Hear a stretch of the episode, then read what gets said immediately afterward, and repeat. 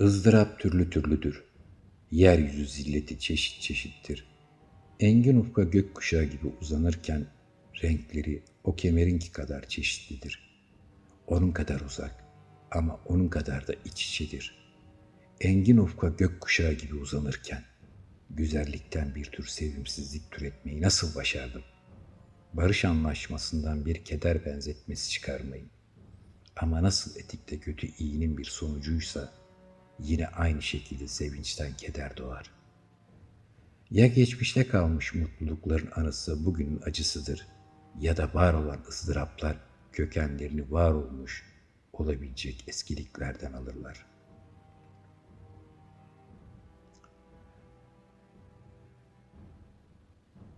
Vaptiz adama aileminkini söylemeyeceğim.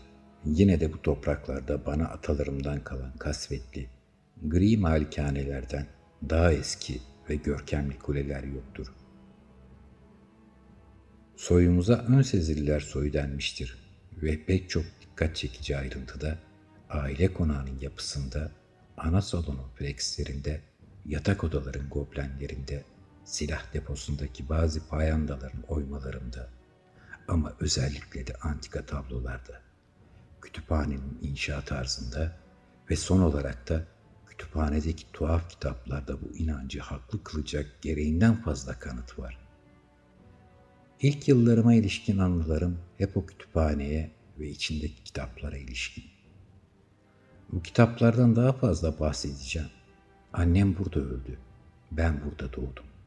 Ama daha önce yaşamadığımı, ruhun daha önce var olmadığını söylemek boş konuşmaktan başka bir şey olmaz. Bunu ret mi ediyorsunuz? Bu meseleyi tartışmayalım. Ben ikna olduğumdan ikna etmek gibi bir arzum yok. Ancak semavi formları anımsıyorum. Ruhani ve anlamlı gözleri, ahenkli ama hüzünlü sesleri. Göz ardı edilmeyecek bir anımsama bu. Gölgeye andıran bir anı. Bulanık, değişken, belirsiz, sabitlikten uzak ve aklımın güneşi var oldukça ondan kurtulmanın mümkün olmayışıyla da bir gölgeyi andırıyor. O odada doğdum. Böylece yokluk gibi görünen ama yokluk olmayan o uzun geceden uyanıp kendimi bir anda bir periler ülkesinde, bir imgelem sarayında, keşişçe düşüncelerim ve alimliğin vahşi topraklarında bulduğumda etrafıma şaşkın ve hevesli gözlerle bakmam, çocukluğumu kitaplarla geçirmem, gençliğimi hayallerle çarçur etmem tuhaf değil. Ama yıllar geçtikçe ve erkekliğin öyle vakti beni atalarımın konağında durağan halde bulduğunda yaşamamın pınarlarına çöken durgunluk tuhaftır, şaşırtıcıdır. En sıradan düşüncemin bile tamamen tersine dönüvermesi şaşırtıcıdır. Dünyanın gerçekleri bana hayaller, sadece hayaller gibi geliyordu. Düşler ülkesinin çılgınca fikirleri ise gündelik varoluşumun malzemesine değil, tamamen ve yalnızca o varoluşun kendisine dönüşmüştü. Berenice ile ben kuzendik ve atalarımın malikanesinde birlikte büyüdük. Ama yetişme tarzımız farklıydı. Ben sağlıksız, kederliydim. O çevik, zarif ve enerji doluydu. O tepelerde gezinirdi. Ben revaklı avluda kitaplarıma gömülürdüm. Ben kendi kalbimin içinde yaşardım ve bedensel, ruhsal açıdan en yoğun, acı verici, derin düşüncelerin bağımlısıydım. O yaşamda yolundaki gölgeleri ya da kuzgun kanatlı saatlerin sessiz uçuşunu hiç düşünmeden gezinirdi. Berenis, adını çağırıyorum Berenis ve hafızamın kasvetli harabelerinde binbir fırtınalı anı bu ses karşısında irkiliyor. Görüntüsü önümde capcanlı duruyor. Tıpkı gamsızlığının ve neşeliliğinin ilk günlerindeki gibi parıltılı, akıl almaz güzellik.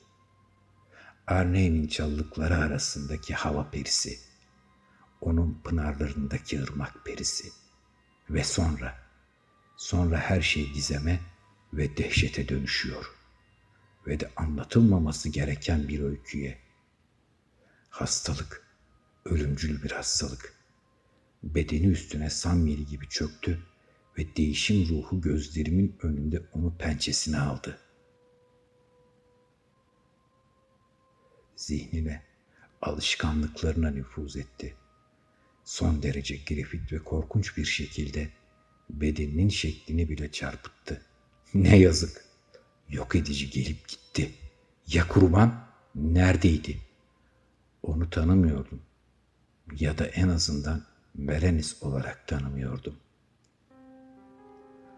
O ölümcül ve şiddetli hastalığın getirdiği kuzenimin ahlaki ve fiziksel varlığını öylesine korkunç ve temel bir şekilde değiştiren yan hastalıkların en rahatsız edici ve inatçı olanı sık sık bir transla son bulan bir tür saraydı.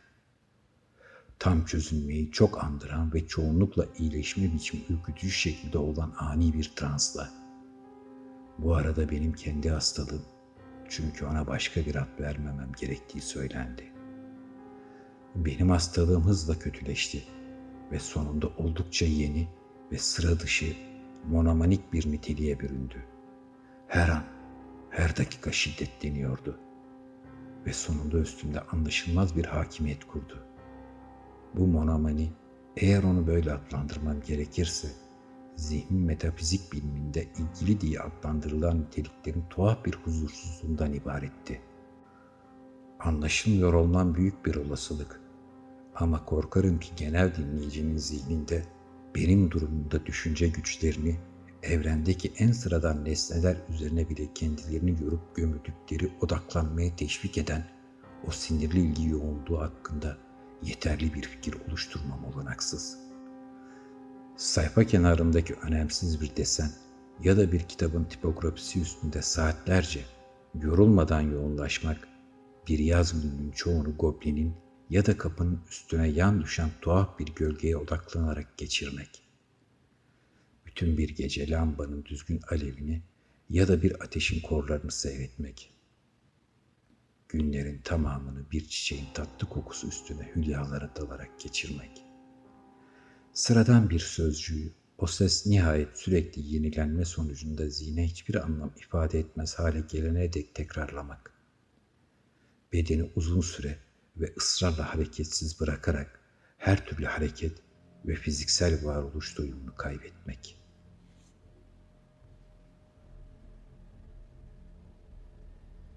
Benzeri görünmemiş olmasa da analiz ya da açıklama gibi şeylere meydan okuyorlardı. Yine de yanlış anlaşılmamalıyım. Doğası gereği önemsiz nesnelerin uyandırdığı bu aşırı, yoğun ve hastalıklı dikkat insanlarda özellikle de çok faal bir hayal gücüne sahip olanlarda çok sık rastlanan o derin düşüncelere dalma haliyle karıştırılmamalı. Hatta ilk başta sanılabileceği gibi bu yoğunluğun uç bir noktası ya da aşın bir hali bile değildi. Özde ve temelde apayrı ve farklıydı. Birincisinde genelde önemsiz olmayan bir nesneye ilgi duyan güççü ya da hevesli kişi bu nesneyi giderek belli belirsiz bir çıkarımlar ve çağrışımlar bozkırında yitirir. Ta ki en sonunda genellikle zevk dolu bir gündüz düşünü bitiminde derin düşüncelerini ilk yol açan şeyin tamamen ortadan kaybolup unutulduğunu fark edene dek. Benim durumumda o ilk nesne her zaman önemsizdi. Huzursuz görüşüm aracılığıyla çarpık ve gerçek dışı bir önem kazansa da çok az çıkarım yapıyor. Çoğunlukla hiç yapmıyordum.'' ve o az sayıdaki çıkarım da orijinal nesneye ısrarla bir merkez olarak geri dönüyordu. Bu derin düşünceler asla haz vermiyordu ve hayaller bittiğinde o ilk neden gözden kaybolmak şöyle dursun, hastalığın başlıca özelliği olan doğaüstü denilebilecek kadar yoğunlaşmış o ilgiyi üzerine çekmiş oluyordu. Tek kelimeyle zihnin bende faaliyet gösteren güçleri ilgi sınıfındandı gündüz düşüşlerinki ise spekülatif sınıftandır.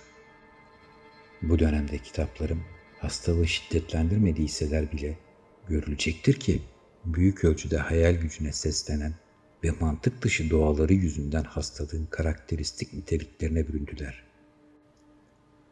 Böylece görünüşe göre dengesi yalnızca ufak tefek şeyler tarafından sarsılan aklım, Ptolemy Hapistan'ın bahsettiği insanların saldırılarına ve deniz rüzgarın daha da şiddetli öfkesine ısrarla karşı koyan ve yalnızca Aşpodel adlı çiçeğin dokunuşuyla titreyen o sarp okyanus kayalığına benziyordu. Ve dikkatsiz bir düşünce, Berenis'in talihsiz hastalığının kişilik yapısında yol açtığı değişiklik mutlaka bana doğasını açıklamakta güçlük çektiğim o yoğun, anormal, derin düşüncelerin odağı olabilecek birçok konu teşkil etmiş gibi gelse bile durum hiçbir surette böyle değildi. Dermansızlığın verdiği akıl sağlığıyla dolu aralarda gerçekten de onun başına gelen felaket bana acı veriyordu. Ve onun o güzel, zarif yaşamının tamamen mahvolması karşısında büyük bir üzüntü duyarak sık sık ve acı acı böyle tuhaf ve köklü bir değişikliğin nasıl ansızın meydana gelmiş olabileceği üstüne düşünüyordum. Ama bu düşünceler hastalığımın mizacından pay almıyordu ve benzer durumlarda insanlığın sıradan çoğunluğunun genelde aklına gelecek şeylerdi. Hastalığım kendi karakterine sadık kalarak Berenes'in fiziğindeki daha az önemli ama daha irkiltici değişimlerden zevk alıyordu kişisel kimliğinin en iğrenç ve afallatıcı bir şekilde çarpıtılmış olmasından.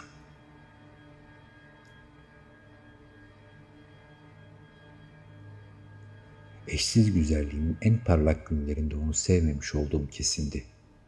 Varoluşumun tuhaf anomalisi içinde hisler benim için asla kalpten olmamıştı ve tutkularım hep zihne aitti. Sabahın erken saatlerinin loşluğunda ve geceleyin kütüphanemin sessizliğinde gözlerimin önünden hızla geçiverirdi. Ve onu yaşayan, soluk alıp veren bir olarak değil, bir düşün bir olarak görürdüm. Bir sevgi odağı olarak değil. En kavranması güç ama amaçsız spekülasyonların konusu olarak. Şimdi ise onun yanında titriyordum. O yaklaşınca betim benzin atıyordu. Yine de o düşkün, ve çökmüş halinden acı acı esef duyarak onun beni uzun süre sevmiş olduğunu aklıma getiriyordum. Ve bir şeytanlık anında ona evlilikten bahsettim. Ve sonunda düğün günümüz yaklaşırken bir kış öğle sonrasında kütüphanemin iç odasında oturuyordum. Tek başıma olduğumu düşünerek ama gözlerimi kaldırınca Berenis'in önümde durmakta olduğunu gördüm. Görünüşe göre böylesine bir belirsizliğin hakim olmasının sebebi benim kendi heyecanlanmış hayal gücüm müydü?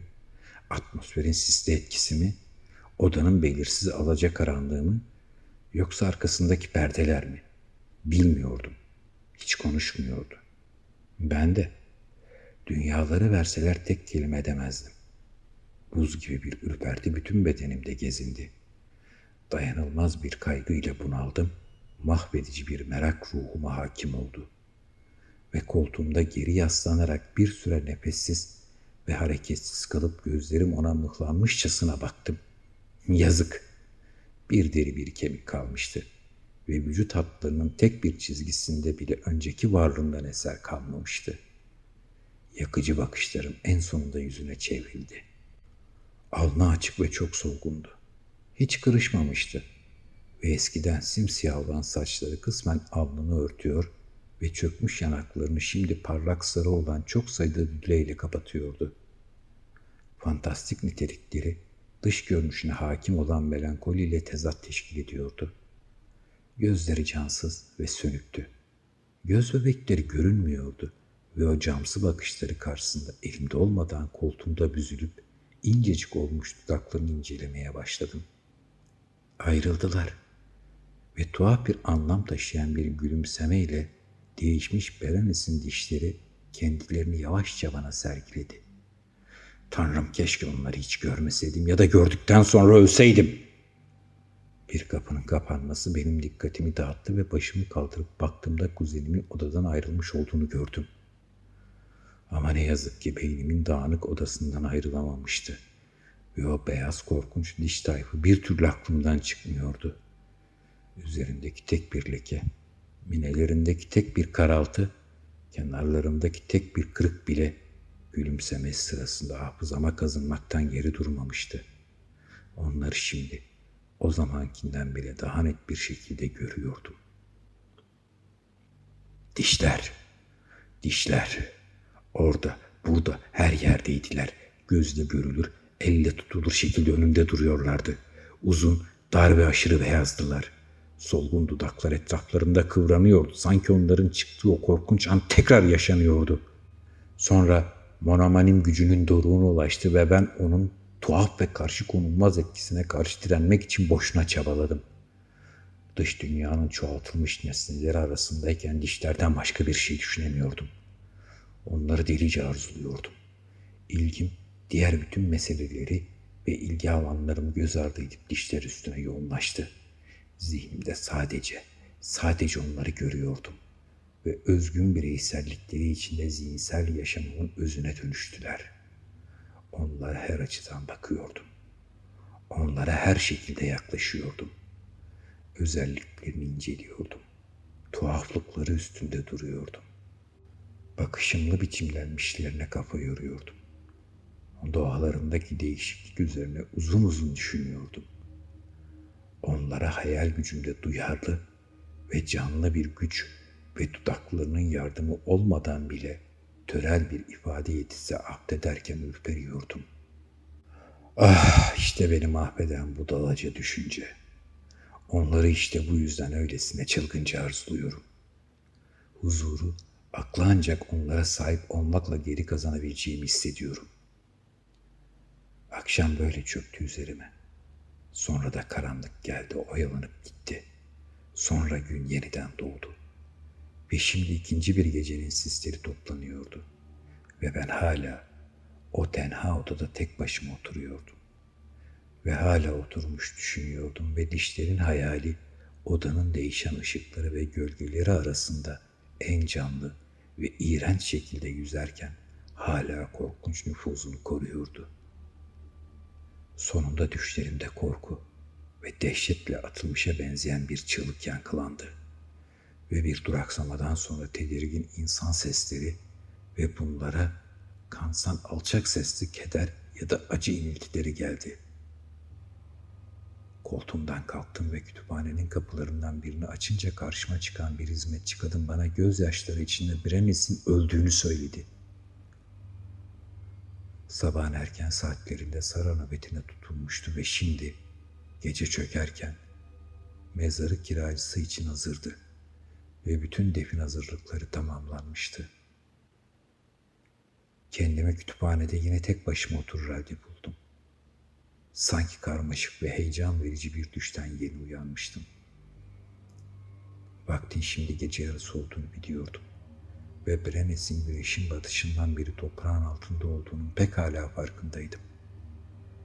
Ama aradaki o kasvetli süre hakkında kesin, en azından belirgin bir fikrim yoktu. Yine de anısı korkuyla doluydu. Belirsizliği yüzünden daha da korkunç olan korkuyla ve bulanıklığı yüzünden daha dehşetli olan dehşetle. Bu varoluşumun kayıt defterinde korkunç bir sayfaydı. Baştan sona bulanık, iğrenç ve anlaşılmaz hatıralarla doluydu. Onları çözmeye boşuna çabaladım. Bu arada ölmüş birinin ruhu tarafından atılıyormuşa benzeyen tiz ve keskin bir çığlık sık sık kulaklarımda çınlıyordu. Bir şey yapmıştım. Neydi bu? Soruyu kendime yüksek sesle sordum ve odadaki fısıltılı yankılar bana karşılık verdi. Neydi bu? Yanımdaki masada bir lamba yanıyordu ve onun yanında küçük bir kutu duruyordu. Dikkat çekici bir özelliği yoktu ve onu daha önce defalarca görmüştüm. Çünkü aile doktorumuza aitti. Ama oraya, masamın üstüne nasıl gelmişti ve ona bakınca neden titriyordum? Bunların açıklaması yoktu. Ve en sonunda gözlerim bir kitabın açık bir sayfasına indi. Ve oradaki altı çizili bir cümleyi okudu. Şair İbn Zeyd'in muhteşem ama basit bir cümlesiydi. Peki niye onu dikkatle okurken ensemdeki tüyler diken diken oluyor ve damarlarımdaki kan çekiliyordu? Kütüphanenin kapısına hafifçe vuruldu ve bir mezar sakini kadar soluk yüzlü bir uşak parmak uçlarına basarak girdi. Adamın dehşete kapılmış olduğu belliydi ve benimle titrek, boğuk, çok alçak bir sesle konuştu. Ne dedi? Kopuk kopuk cümleler duydum. Gecenin sessizliğini bozan vahşi bir çığlıktan bahsediyordu. Ev halkının bir araya toplanmasından, sesin geldiği yönde yapılan bir aramadan ve sonra bana açılmış bir mezardan fısıltıyla bahsederken ses tonu ürkütücü bir netlik kazandı. Bir kefene sarılı, kamlar içindeki ama hala nefes alan, kalbi hala atan, hala yaşayan birinden bahsederken giysilerime işaret etti. Çamur ve pıhtılaşmış kanla kaplıydılar. Konuşmadım ve usulcacık elimden tuttu. Elim tırnak izleriyle kaplıydı. Dikkatimi duvara dayalı bir nesneye yöneltti. Dakikalarca onu aradım. Bir kürekti bu. Bir çığlıkla masaya atılıp üstündeki kutuyu kaptım. Ama onu açamıyordum bir türlü. Titreyen ellerimin arasından kayıp yere düşerek büyük bir gürültüyle paramparça oldu. Ve içinden çıkan bazı dişçilik aletleri takırdayarak yerde yuvarlandı. Bunların arasında döşemeye saçılan 32 küçük, beyaz ve kemiğe benzeyen nesne de vardı.''